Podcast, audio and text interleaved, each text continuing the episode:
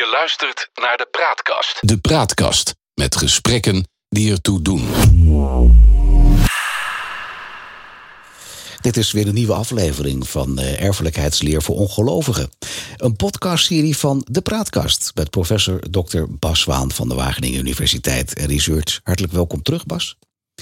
Hallo. Um, ook deze aflevering komt mede tot stand onder redactie van Chris Wolters. En uh, ik begin er altijd mee van als je vragen hebt of onderwerpen die je graag door Bas Waan behandeld zou willen hebben, stuur een mail naar info.praatkast.nl of uh, stuur een app via onze homepage. Je mag hem ook zelf inspreken. Gewoon uh, doen.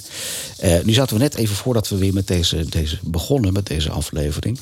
Want je zei iets over meneer De Wit of zo, die in dezelfde periode geleefd heeft als Mendel, waar we de vorige aflevering over hadden. Ja, dat, dat was inderdaad. Uh, uh, dus Mendel was een monnik. En die, die, had, ja, die was geïnteresseerd in, in, in planten. Ja. En hij had ook een assistent. Mm -hmm. En dat was inderdaad meneer De Wit. Die, ja. was, het was ook een monnik.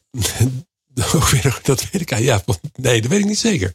Kan ook gewoon een tuinman zijn geweest. Oh. Uh, ik weet het helemaal niet, geloof ik nu. Maar uh, in ieder geval. Uh, ik geef een heel romantisch beeld. Want waar, want waar woonden die mensen? In welke ja, kloosterabdij? Of wat was ja, dat? Dit, oeps, waar, was, waar was de abdij? Weet ik ook even niet meer. Maar was dat in, in, in was, Frankrijk? Nee, nee, nee. nee. Het, was, het, was, het was volgens mij Oostenrijk. Oostenrijk, oké. Okay. Ja. The Sound of Music, maar dan anders. Maar goed, hij, hij, dat tellen en dat, dat scoren, dat, dat liet hij ook wel over aan zijn assistent. Ja. Um, ja, en, en we weten dus, het is die, die, die, die wetten van Mendel waar ik het eerder over had. Hè, dus dat je, dat je over het algemeen, als je, weet je, als je genoeg nakomelingen uh, zaait, weet je op een gegeven moment wat de, de verhouding moet zijn. Bijvoorbeeld tussen een wit, uh, kruising tussen een witbloemige en een, en een, en een uh, roodbloemige ja. plant. Uh, maar dat is altijd, is altijd toeval. Weet je? Ook al heb je honderd, er zit altijd wat ruis op. Het is nooit perfect. Nee. Um, en toen de oorspronkelijke uh, dataset bekeken werd, uh, ja, toen vonden statistici dat het toch wel erg precies was. Ja. eigenlijk de kans dat het precies zo uitkwam, eigenlijk heel erg klein was. Nou, dus dat, Eigenlijk kan je zeggen, ze geloofden hem niet. nou, ik denk, ik, ik denk eerder gezegd dat zijn assistent hem uitstekend geloofde. Ja. Maar het, het was net iets te mooi. Dus, en toen is er een beetje, ja, dus, dus er worden ook veel uh, natuurlijk boeken en, en, en papers over geschreven. Over of dat nou, uh, of dat nou was inderdaad dat zijn assistent het heel goed wist. En daar gewoon maar in feite niet meer hoefde te tellen, maar gewoon die, die getallen doorgaf. Ja. Ja. Of dat het inderdaad, ja, dat het toch hier en daar wat, wat weggegumd is, dat weet ik niet. Maar goed, het verandert niets aan de, aan de uiteindelijke resultaten en de conclusies. Maar, maar wat was nou die rol van die meneer De Wit dan? Wat? Nou, hij deed gewoon het, uh, ja, wat, wat, wat we nu zouden zeggen, de research assistance. Hè? Dus uh, een beetje wat ik uh, doe. Hè? Ik probeer af en toe nog wel eens naar het lab te gaan, maar dat gebeurt eigenlijk nooit. Dus ja, je hebt meestal een analist of, ja. of een of, nou, student die, die, die doet de proeven. En uh, ja, dan, dan bespreek je de resultaten. Dus dat was een beetje de rol die Mendel had. En uh, die ja, assistent... Nee, die, die, de die, Wit had, niet Ja, precies. Dus, dus, dus Mendel zat, uh, die, zat, die zat het te bedenken. En de Wit die mocht tellen. Daar kwam het op neer. Maar heb jij het idee dat daar een soort uh, detective achter zit? Van, van heeft de Wit nu wel of niet Maar ja, nogmaals, de, de, de, bedoel, ja, google het maar. Er zijn, heel, ja, er zijn ongelooflijk veel, ja, ja, veel, veel ideeën over. Ja, er zijn natuurlijk ook gewoon een biografie over geschreven. En, uh, Vooral het woord ongelooflijk vind ik leuk. Want Ja. dit is erfelijkheidsleer Ja, voor ongelooflijk bij uh, de praatkast. Maar eh, we zouden het in deze aflevering hebben over het, het, het, het magische jaartal 1953. Ja. Daar weet je nog alles van als de dag van gisteren. Oh, ik ben uit 1965. Dus, Oh? Oké. Ja, dat, is, dat was natuurlijk een, uh, dat was echt een, uh, een Eureka-moment in de, in de genetica. Kun je ons kort een beetje vertellen hoe dat ingeleid werd? Dat het, waar waren ze naar op zoek en hoe vonden ze? Nou, ze, ze waren eigenlijk naar op zoek uh, hoe die, die duidelijk die wetten van Mendel, hoe dat nou eigenlijk op moleculair niveau zo keurig Kon werken. Kon werken ja. Ja. En uh, ja, dus op zich, de, de, de chromosomen waren ge, geïdentificeerd. Hè. Ze, wisten dus, ja, ze wisten dat daar de, de erfelijke materiaal op zat. Maar ja, ze, het, was, het was nog niet, de hele structuur was nog niet, uh, was nog niet bekend. En uh, nou, iedereen kent denk ik wel dat hele beroemde uh, praatje waar Watson en Crick bij dat prachtige model staan. van die helix. Ja, van die dubbele helix, ja. Ja.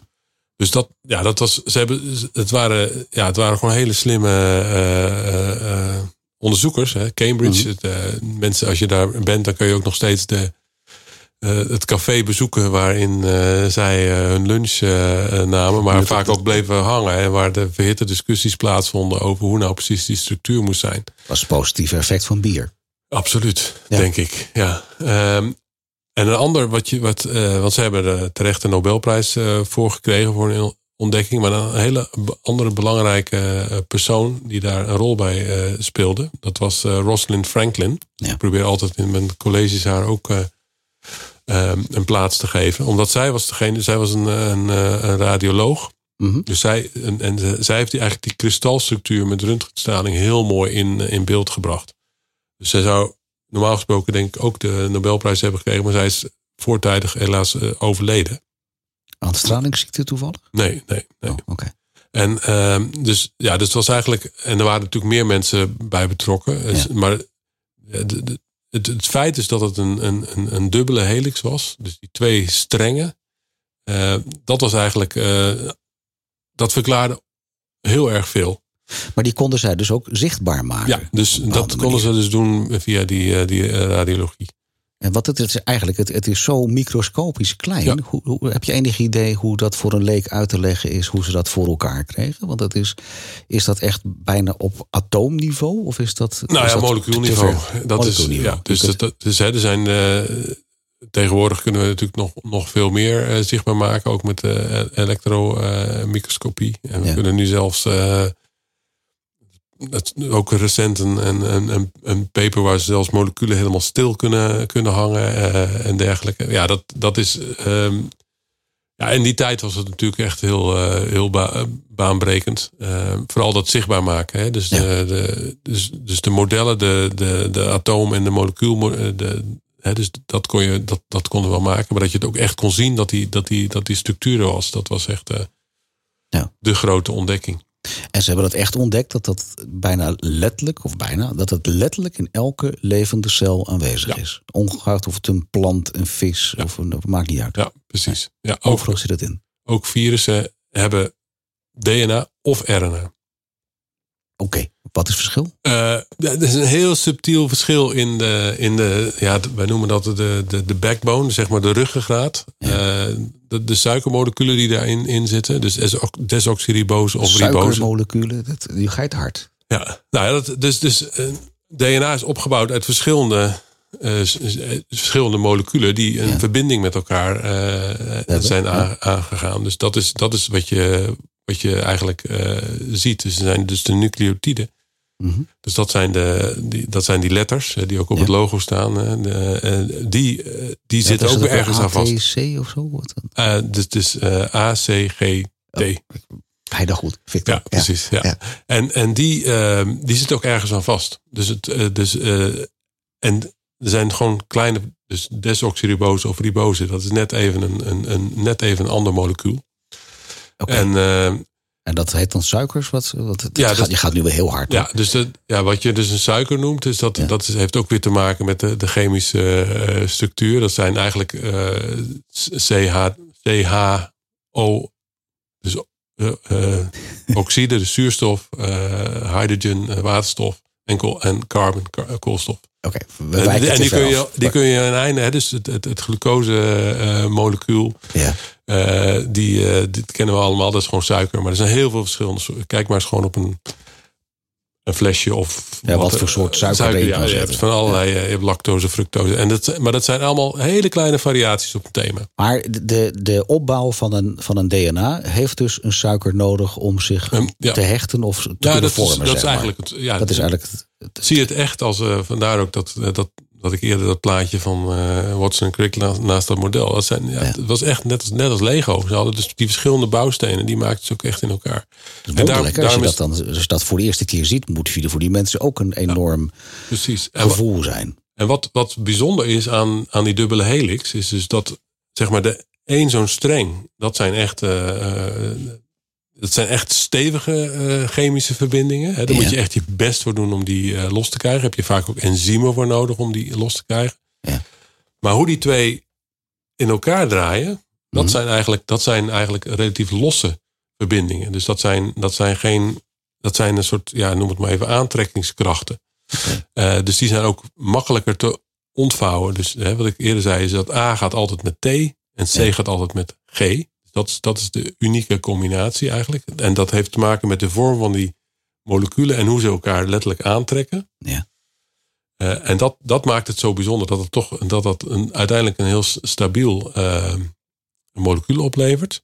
Maar tegelijkertijd, en dat was natuurlijk wat, wat, eh, wat het inzicht was, kon je ook zien door, door die strengen eh, zeg maar te, los te maken, Uit elkaar te uit, halen. ha- te- uit elkaar te halen.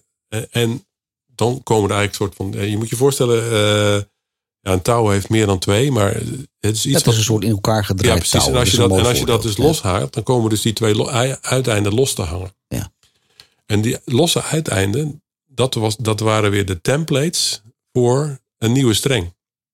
En daar is dus een heel, daar is een heel moleculaire machinerie voor, die dus weer netjes voor zorgt. Als er dus een A loskomt, dan komt er weer een, eh, dan komt er weer een T aan. En die, Ja. wordt, die kop, als het ware, wordt het gewoon weer, gewoon een nieuwe streng gemaakt. En dan, als je aan het einde bent, heb je gewoon een perfecte kopie Van die eerste. ja, en, dus heb je, dan heb je, en, en dat gebeurt dus tijdens ehm, de celdeling. Ja.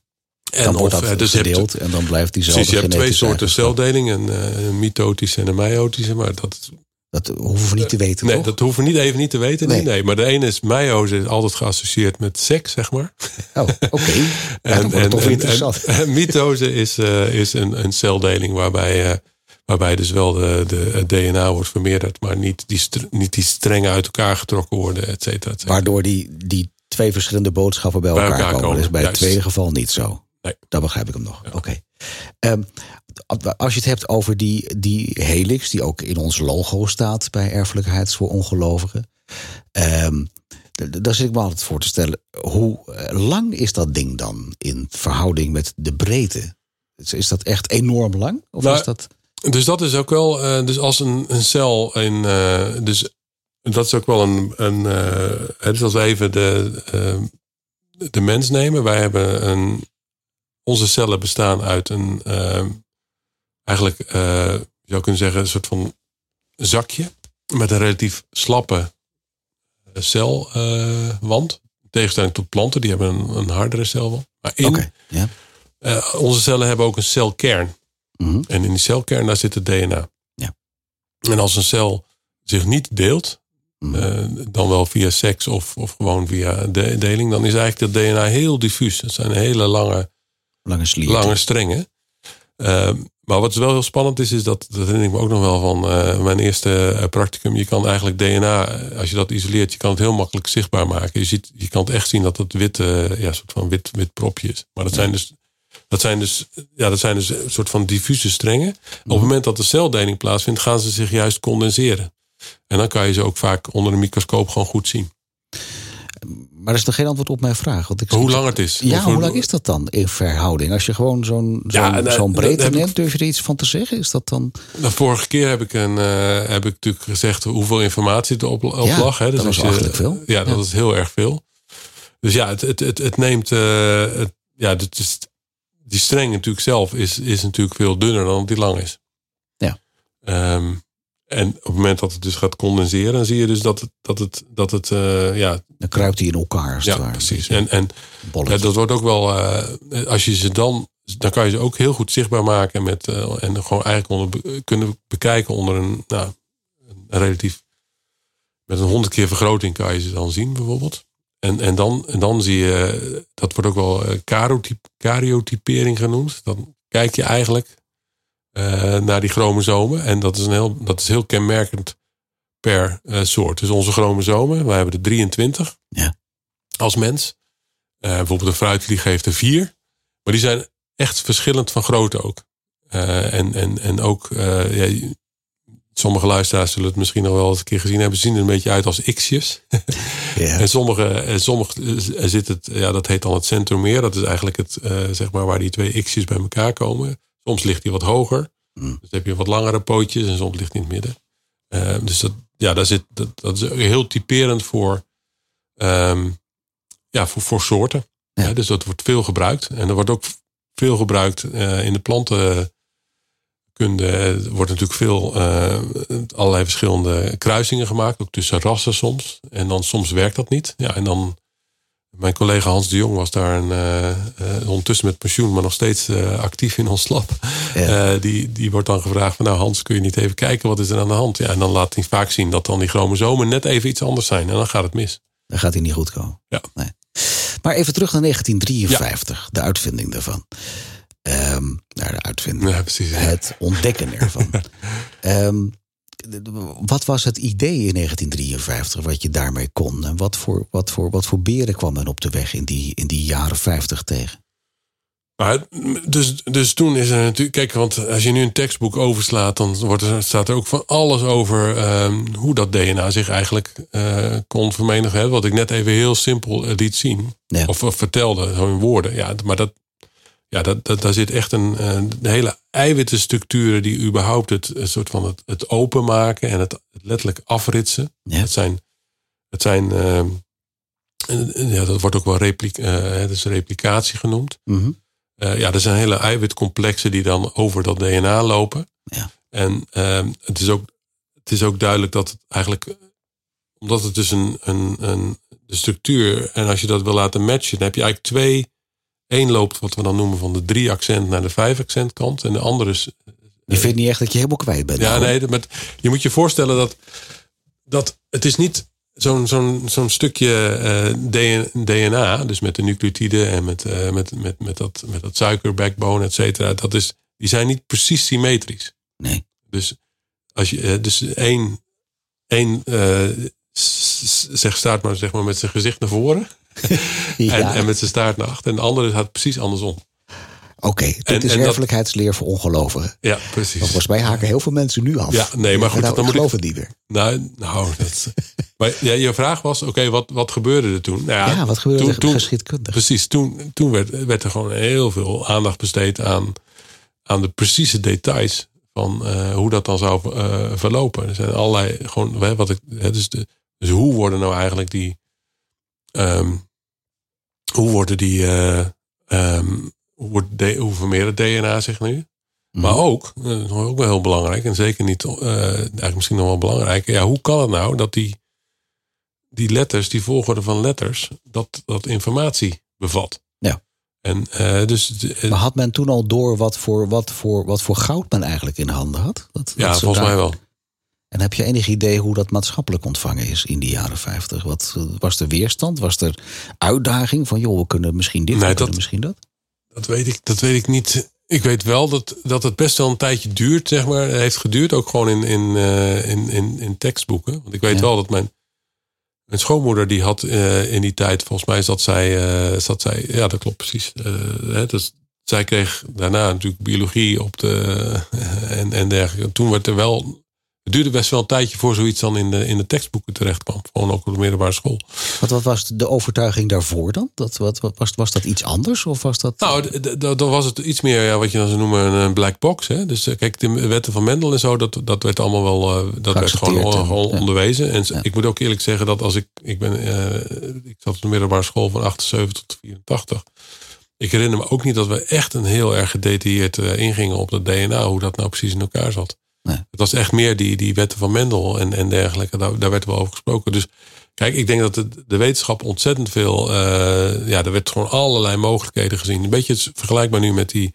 Met de CRISPR-Cas, denk ik. Hè? Dus dat, veel mensen weten nu wel, oh ja, maar dat, is, dat veld is natuurlijk al jaren bezig met. En, ja, om dat allemaal uit te zoeken en de consequenties in het veld zelf. Ja, dat, die waren gewoon heel erg groot. He- Hebben er ook eh, bedrijven gelijk op ingehaard dat ze daar wat mee konden? Met andere woorden, was ook in de jaren 50 al de wetenschap onder invloed van, van commerciële belangen? Nee, volgens mij niet. Dat is pas later gekomen Ja. dat we daarin geïnteresseerd raakten. Ja, want ik bedoel, tegelijkertijd, ik bedoel, je moet ook gewoon wel reëel zijn. Ik denk dat zeg maar voor de, de, de huis, voor de gemiddelde ehm, veredelaar, Ja. ehm, plant of dier, ja, natuurlijk niet zo superveel veranderen. Nu- dat is men toen nog niet, maar in principe kan ja, nu wel, maar kan toen, er bedoel, met, met die ontdekkingen, zoals zo, ja. er zijn natuurlijk al meerdere ontdekkingen waar je, waar je niet meteen kan, kan duiden van hoe, hoe, uh, hoe gaan we daarmee om? Hè? Dus, dus zeg maar de, de, het feit dat we een van de enzymen die, die betrokken is bij het, uh, bij het vermeerderen van DNA, dat wordt ook wel polymerase, is, is een van die eiwitten. Dat, hè, dus ergens in de jaren tachtig zijn, uh, zijn mensen daar uh, mee aan de slag gegaan. en die hebben gedacht, hé, hey, maar als, als dat in een cel kan, dan moet het ook in de reageerbuis kunnen. dus die hebben, die hebben en, en, iedereen heeft het erover. Hè, moet je niet even je PCR-test halen? Ja. Dat, is de, dat staat voor Polymerase Chain Reaction. Daar staat het voor. PCR. En dat is dus. Dus dat, je noemde net van: oké, hoe is dan. Dat is eigenlijk een, ja, een direct gevolg van het feit dat we ontdekt hebben hoe DNA eruit zag en hoe het werd, uh, werd vermeerderd. Ja, maar dat, ik, ik, vind het wel heel spannend wat je nu in verband gaat brengen. Want wat... Ja, dat vind ik eigenlijk ook wel. Ja, het komt, uh... Want je zegt PCR, dan geef je gelijk aan waar het voor staat. Nou, dat weet ik allemaal niet. Maar ja. uh, er zullen gelijk, gelijk, nu mensen luisteren die zeggen... oh, maar Bas, hoe zit dat dan? Want is dat dan eng? Nee, dat, nee dat, kijk, de, de, dus die polymerase, die dus... Kijk, wat gebeurt er? Um, dus uh, even, hoe zit zo'n PCR-test in elkaar? Ja. Je gaat naar, de, naar de, de GGD of een teststraat, whatever. En dan wordt uh, in je neus uh, geprikt. Zo'n staaf geduwd met zo'n watje eraan. Precies. Ja. En dan wordt dat watje dat wordt in de vloeistof gedaan. En, en uit die vloeistof wordt, wordt DNA geïsoleerd. Ja. Nou, er zit natuurlijk van allerlei DNA in. Er zit, er zit DNA van jezelf in, uiteraard. er zit ook DNA in van als je door het bos gelopen hebt, heb je misschien hier en daar een schimmelsporen opgesnoven. Maar er zit ook virus in. Ja. En in dit geval wil je specifiek weten of, of het COVID is. Dat COVID-virus ja, erin zit. Ja. Precies. Dus, en wat je dan doet, nou, we weten ondertussen hoe, wat de, de volgorde is van het, uh, van het uh, erfelijke materiaal van COVID. Ja. Nou, dus dan neem je een, een, een stukje DNA, ja. wat echt helemaal specifiek is voor COVID. Mm -hmm. Dat doe je in een reageerbuisje met de ingrediënten die DNA maken, dus die, die, die, uh, die, die, die nucleotiden. Ja. En dat, ja, het is nog van alles andere, maar even essentieel is Ja. dus dat je die polymerase erin doet. Dus dat is eigenlijk het eiwit die ervoor zorgt dat je dat, je dat template, dus dat stukje DNA van je zeker weet, dat die ook Ja. wordt vermeerderd. Want het meten namelijk van één zo'n streng, dat is veel te gevoelig. Maar wat doet zo'n PCR-test? Die doet eigenlijk heel veel cycli, vermeerdert die steeds maar dat hele specifieke stukje DNA. Ja. Nou, en dat kan je gewoon zichtbaar maken. Ehm, en, en, en omdat het dan heb je zoveel, dan heb je het echt heel veel keren. Hè, dus ook, dit is ook weer een. Stel je begint met één, dat worden er twee, vier, zes, et, of, eh, sorry, vier, 16, 32, et cetera. Dus Ja. dat gaat heel rap. En als je dat dus oorspronkelijk het, eh, had in je, in, je, in je neus, ja, dan zal dat vermeerderen en dan ben je positief. Heb je het niet? Dan heb je. Precies. En, en daarom is ook wat, wat je hoor je nu ook. Hè? Ja, oké, we, hebben, we hebben nu weer een nieuwe, eh, Nieuwe variant ontdekt. Ja. Eh, en dan, ze weten dus heel goed wat, welke mutaties daarin zitten. Ja. Dus deze eh, begreep ik dat er 32 eh, veranderingen plaatsgevonden hebben ten opzichte van de allereerste. eh, Originele. origi- ja, noem het maar even origineel, maar degene die we van Ja. wat eerste de volgorde hebben gebruikt. Ja. Dus dan kan je je PCR-test kan je ook heel specifiek maken. En zo wordt, zo wordt het ook ontdekt. Dan zorg je gewoon dat je dat stukje eh, gaat vermeerderen. Wat, waar, waar die mutaties zitten. Zo kunnen, zo kunnen ze ook zeggen. Dan krijg je ook die percentages. Nu is eh, in Nederland is 99% van de mensen die testen, die hebben een Delta variant. Ja. Maar dat is allemaal terug te leiden. En dus het is niet eng. Het enige wat, wat toen inderdaad een, een hele slimme eh, wetenschapper heeft gedaan. En dat is ja. Ja, dat is ook weer eh, te mooi. Misschien moet je even parkeren. Maar nu hebben wij gewoon. Hè, dus hebben we een heel klein machientje. Dat is ongeveer zo groot als twee pakken melk, denk ik. Ja. Eh, en dat doet alles voor je in, eh, in, in, in, eh, in, een, in korte tijd. Maar degene die het ontdekt heeft, die was echt met waterbaden aan, aan het klooien. En steeds de reactie weer stopzetten en dan weer aanzetten. En, want het is ook nog wel interessant om te melden. Dus dat die polymerase die gebruikt wordt, dat is niet zomaar eentje. Die, die is gewonnen uit een, letterlijk, die, die komt uit een bacterie die tegen hele hoge te- temperaturen kan.